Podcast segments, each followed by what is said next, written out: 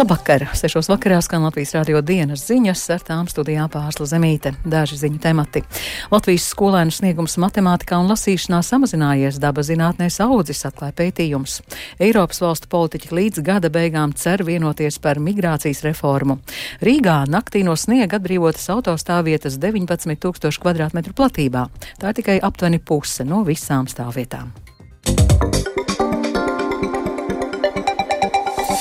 Gandrīz visās ekonomiskās sadarbības un attīstības organizācijas valstīs 2022. gadā skolēnu sniegumam mācībās bijis bezprecedenta kritums, ja salīdzina ar 2018. gadu. Šis secinājums izriet no šodien publiskotās starptautiskās skolēnu novērtēšanas programmas pētījuma rezultātiem.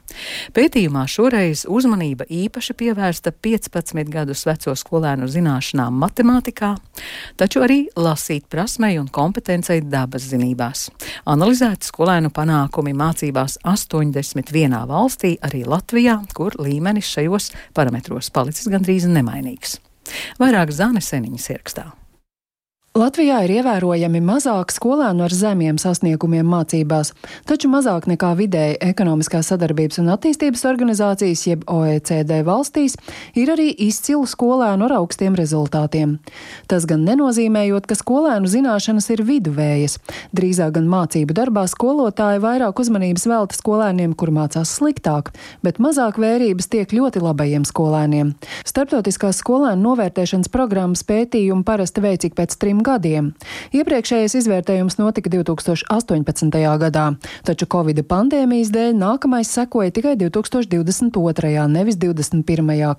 Visticamāk, ar pandēmiju saistīto ierobežojumu un attālināto mācību dēļ vidējie rādītāji trīs galvenajos parametros - zināšanās matemātikā, lasīt prasmē un dabas zinībās - ir radikāli pasliktinājušies. Latvijā savukārt uzlabojies skolēnu sniegums dabas zinātnēs. 2018. gadā tas bija tāds pats kā ekonomiskās sadarbības un attīstības organizācijas valstīs vidēji, bet jaunākajā pētījumā redzams, ka tas paaugstinājies virs vidējā līmeņa. Tiesa, vidējais līmenis pazeminājies. Arī matemātikā mūsu skolēni ir labāki nekā vidēji, taču šī līkne ir lejupējoša. Situācija pasliktinājusies arī lasīt prasmes ziņā. Tur mūsu bērni netiek pāri vidējam līmenim OECD valstīs. Arī citos pētījumos atklājies šis trūkums, kas būtiski ietekmē spēju uztvert gandrīz jebkura cita mācību priekšmeta saturu. Lasīt prasmes ziņā mūsu skolēni atpaliek no vienaudžiem Lietuvā un ir ļoti tālu iepakaļ arī skolēniem Igaunijā. Mūsu ziemeļu kaimiņi visos trīs galvenajos parametros ir stipri priekšā gan Latvijai, gan Lietuvai un atrodas 81 valsts saraksta augšgalā. Pētījumā Latvija tomēr nav saraksta lejas galā. Piemēram, matemātikas sekmju ziņā atrodamies līdzās tādām valstīm kā Lielbritānija, Polija, Slovenija un Somija. Tiesa Somijai, kuras izglītības sistēma bieži min kā piemēru, šajā pētījumā konstatēts ievērojams skolēnu snieguma pazeminājums. Gan tur, gan daudzās citās Eiropas valstīs pētījuma rezultāti izraisījuši plašu rezonanci, jo rādītāji daudz viet ir tik zemi kā nekad agrāk. Zana Eniņa, Latvijas radio. Saimā ceļ uzsāk likumprojekts, kas sniegs vairāk pilnvaru skolas vadībai cīņā ar iespējamu vardarbību un arī nelegālo vielu apriti un lietošanu. Šodien deputāti skatīšanai pirmajā lasīmā nodeva valsts prezidenta rosinātu likumprojektu, ar kura palīdzību plānots veicināt drošību skolās. Tas tostarp paredz direktoriem pilnvaras pārbaudīt skolēnu personīgās mantas uz aizdomu pamata. Turpina Pauls Dēvica.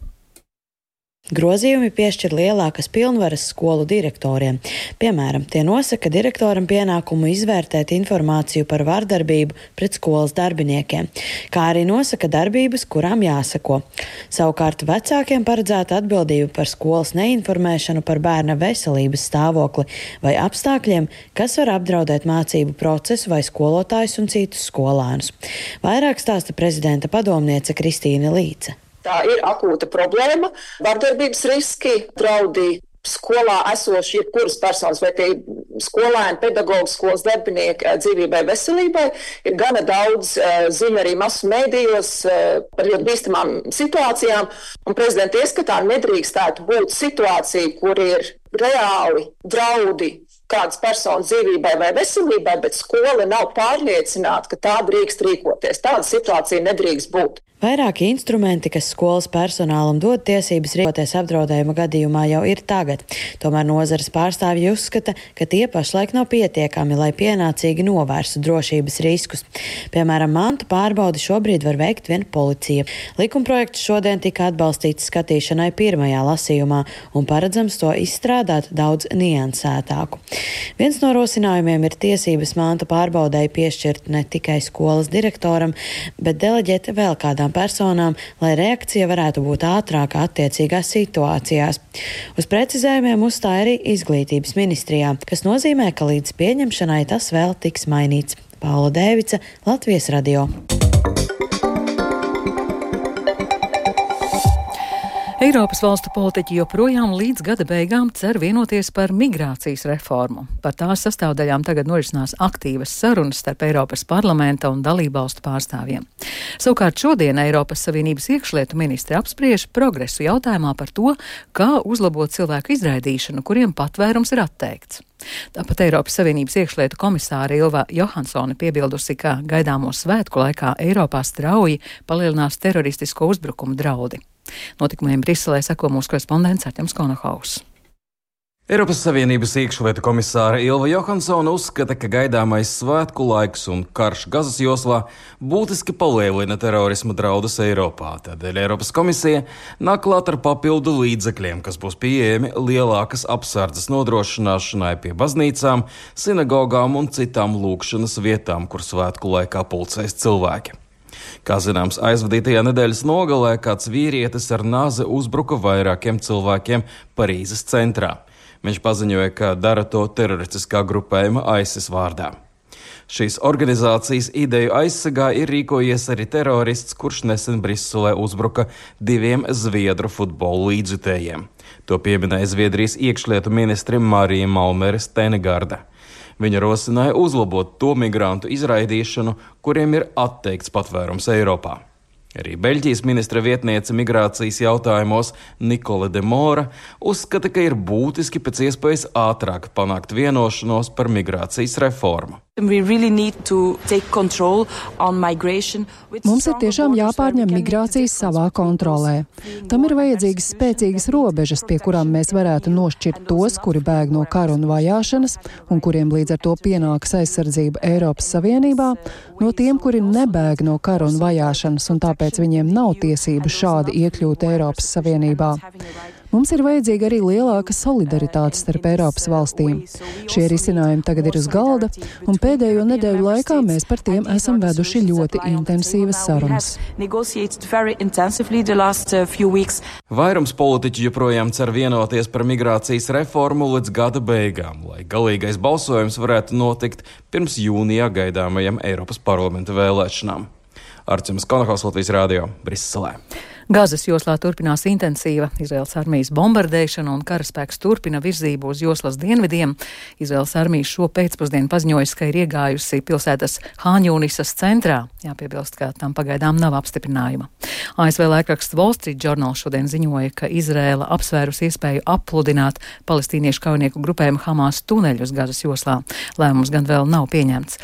Laikraksts norāda, ka Izraela ar šādu taktiku varētu iznīcināt tuneļus un izdzīt teroristus no pazemes pazemes slēptuvēm, taču tas apdraudētu Gazas joslas apgādi ar ūdeni. Izraels armija ziņoja, ka kopš kara sākuma ir atklājusi vairāk nekā 800 tuneļu šahtas. Svētdien armija paziņoja, ka aptuveni 500 šahtas jau ir sagrautas. Amerikāņu izdevums Washington Post publicējis analīzi par gatavošanos šī gada Ukrainas pretuzbrukumam. Un tajā tiek ziņots par neatbilstībām starp Ukrainas stratēģiju no vienas puses un ASV un Rietumu redzējumu no otras. Proti, Rietumi un ASV sliecās uz mērķtiecīgu pretuzbrukumu, jo īpaši, lai atdalītu Krieviju no Krimas, savukārt Ukrainas virspavēlnieks Valērijas Zalužņīs uzstāja uz operācijām visā frontes līnijā. Stāsta Rihards Plūme. Līdz ofensīvas sākumam Ukraiņi no amerikāņiem saņēma daudzus desmitus tehnikas vienību un citu aprīkojumu. Zalužnīs bija lūdzis tūkstošu bruņu mašīnu, bet Pentagons nodrošināja pat pusotru tūkstoti. Gatavošanās pretuzbrukumam turpinājusies, un Pentagons vēlējies, lai tas sāktos aprīļa vidū, kas neļautu Krievijai turpināt nostiprināt savas pozīcijas. Taču Ukraiņi vilcinājušies, uzstājot, ka nav gatavi sākt pretuzbrukumu bez papildu ieročiem un karavīru apmācības. Ukraiņi sūdzējās, izskatās, ka solītais aprīkojums tiek piegādāts novēloti vai ierodas kaujai nepiemērots, tādēļ pavasarī pretuzbrukumu nebūs iespējams sākt. Amerikāņu amatpersonas arī uzskatīja, ka vairāk Ukrainas karaspēka galu galā ies bojā, ja Kievai neizdosies veikt izšķirošo ofensīvu un konflikts izvērtīsies ilgstošā karā. Ukraina turpinājusi uzstāt uz plašām operācijām daudzviet frontes līnijā, tostarp paturot lielus spēkus pie Bahmutas. Kā vēsta Washington Post, rietumi galu galā piekāpušies Ukrainai. Kāda augsta ranga amerikāņu amatpersona atzinusi, ka Ukraiņi labāk pārzina reliefu, Krievijas armiju, un galu galā šis nesot amerikāņu karš, un ar Ukraiņu izvēli esot jāsamierinās. Pēc Rīgas vadības vakar paustās neapmierinātības ar sabiedriskā transporta pieturvietu un autostāvvietu tīrību un uzdevuma pilsētu beidzot sakopt, Rīgas nolīgtais uzņēmums aizvadītajā naktī ir paveicis tikpat daudz, cik iepriekš visā laikā kopš sniegšanas sākuma. Tajā skaitā sniegs novākts no vismaz simt pieturvietām. Kā informēja pašvaldības uzņēmuma Rīgas satiksme pārstāvi Baiba Bartaševiča Feldmane, gaidāmajā naktī autostāvvietas aktīvi tīrīs Dzirnavu, Tērbatas, Ģertrūdas, Blaumaņa, arī starp Valmieras un Avotielu un no Krišņāņa Jāņu Valdemāra ielas līdz eksporta ielai. Šajās ielās iedzīvotāji aicināti automašīnās nenovietot. Šonakt darbos tiks iesaistīts vēl lielāks transporta vienību skaits nekā naktī uz 5. decembri. Ja mēs skatāmies iztīrīto autostāvvietu kvadrātmetru platībā, tad, ja pagājušajā naktī autostāvvietas tika iztīrītas aptuveni 19,000 kvadrātmetru platībā, tad iepriekš laika posmā no 1. līdz 3. decembrim apmēram 21,000 kvadrātmetru platībā.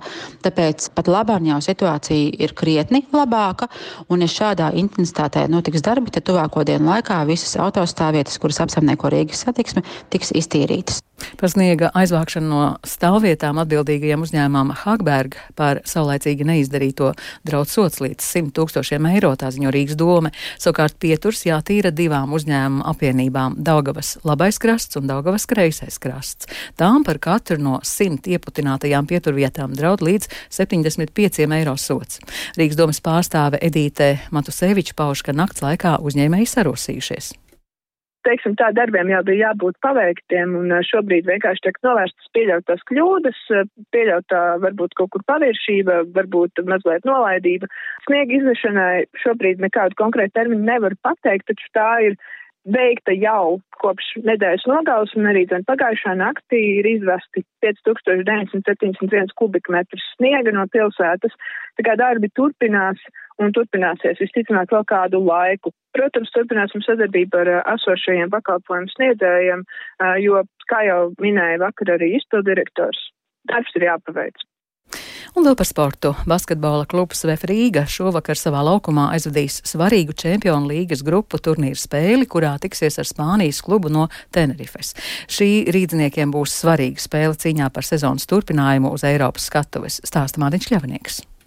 VF Rīga C grupas turnīru Čempionu līgā sāka ar zaudējumu savā laukumā Stambulas Dariša Faka komandai, pēc tam viesos piekāpās Šolē, bet pēc tam izbraukumā arī šīs dienas pretiniecei, savukārt otrā apļa pirmajā spēlē mājās uzveic Šolē.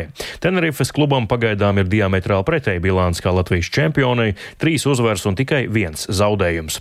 Neatkarīgi no šīs spēles iznākuma VF vēl varēs nodrošināt sev vietu nākamajā turnīra fāzē. Šīs dienas otrais mačs starp Šolē un Dariša Faka noteiks pateiks, ko tad tieši VF būs jāpaveic savā pēdējā spēlē grupā. Māča sākums arēnā Rīga šovakar pusastoņos. Un ar to izskan Latvijas rādio dienas ziņas. Producents Edgars Kupčs, ierakstus montēja Kaspars Groskops, par labskaņu rūpējās Iveta Zvejniece, ar jums runāja Pārslas Emīte. Yeah.